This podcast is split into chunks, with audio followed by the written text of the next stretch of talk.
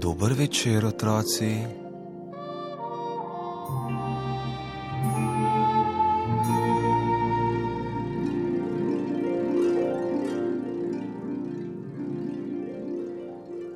K nam se je pritepal lev, velik, s košato grivo, s strašnimi zobmi. Potepal se je po parku med bloki in strašil otroke. Tudi Lukac se je leva zelo bal. Joj, za grmom je, hu, na stopnišču, groza, kaj je za zaveso.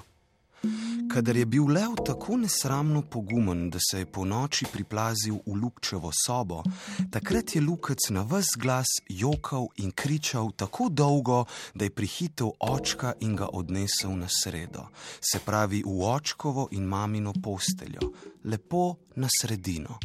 Tja pa si lev nikoli ni upal. Nekega jutra, ko je Lukac z očkom šel v vrtec, je spet zagledal leva. Ampak na veliki cesti se mu ni zdel prav nič strašen.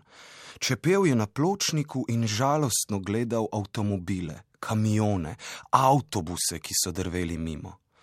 Klavrno je zagodrnjal. Lukac, lepo te prosim, kako naj pridem čez cesto? Že trikrat sem hotel čez in me je vsakokrat skoraj povozil avto. Lukac je že hotel reči, kar naj te povozi tovornjak, me vsaj ne boš mogel več strašiti, pa se mu je lev, ki je tako milo gledal, vendarle zasmilil. Poučil ga je. Tukaj sploh ne smeš čez cesto. Pojdi do semaforja, ko bo zasvetila zelena luč, boš varno šel na drugo stran ceste. Lev je ponižno vprašal: Kakšna pa je, prosim, zelena luč? Lukac se je začudil. Kako? Ali ne veš, kakšna je zelena barva? Ne vem, saj nisem hodil v šolo. Tudi jaz še ne hodim v šolo, pa vseeno dobro vem, kakšna je zelena barva, se je pohvalil Lukac. Potem je prijel leva za grivo in rekel: Pokazal ti bom, kje je semafor in kakšna je zelena barva.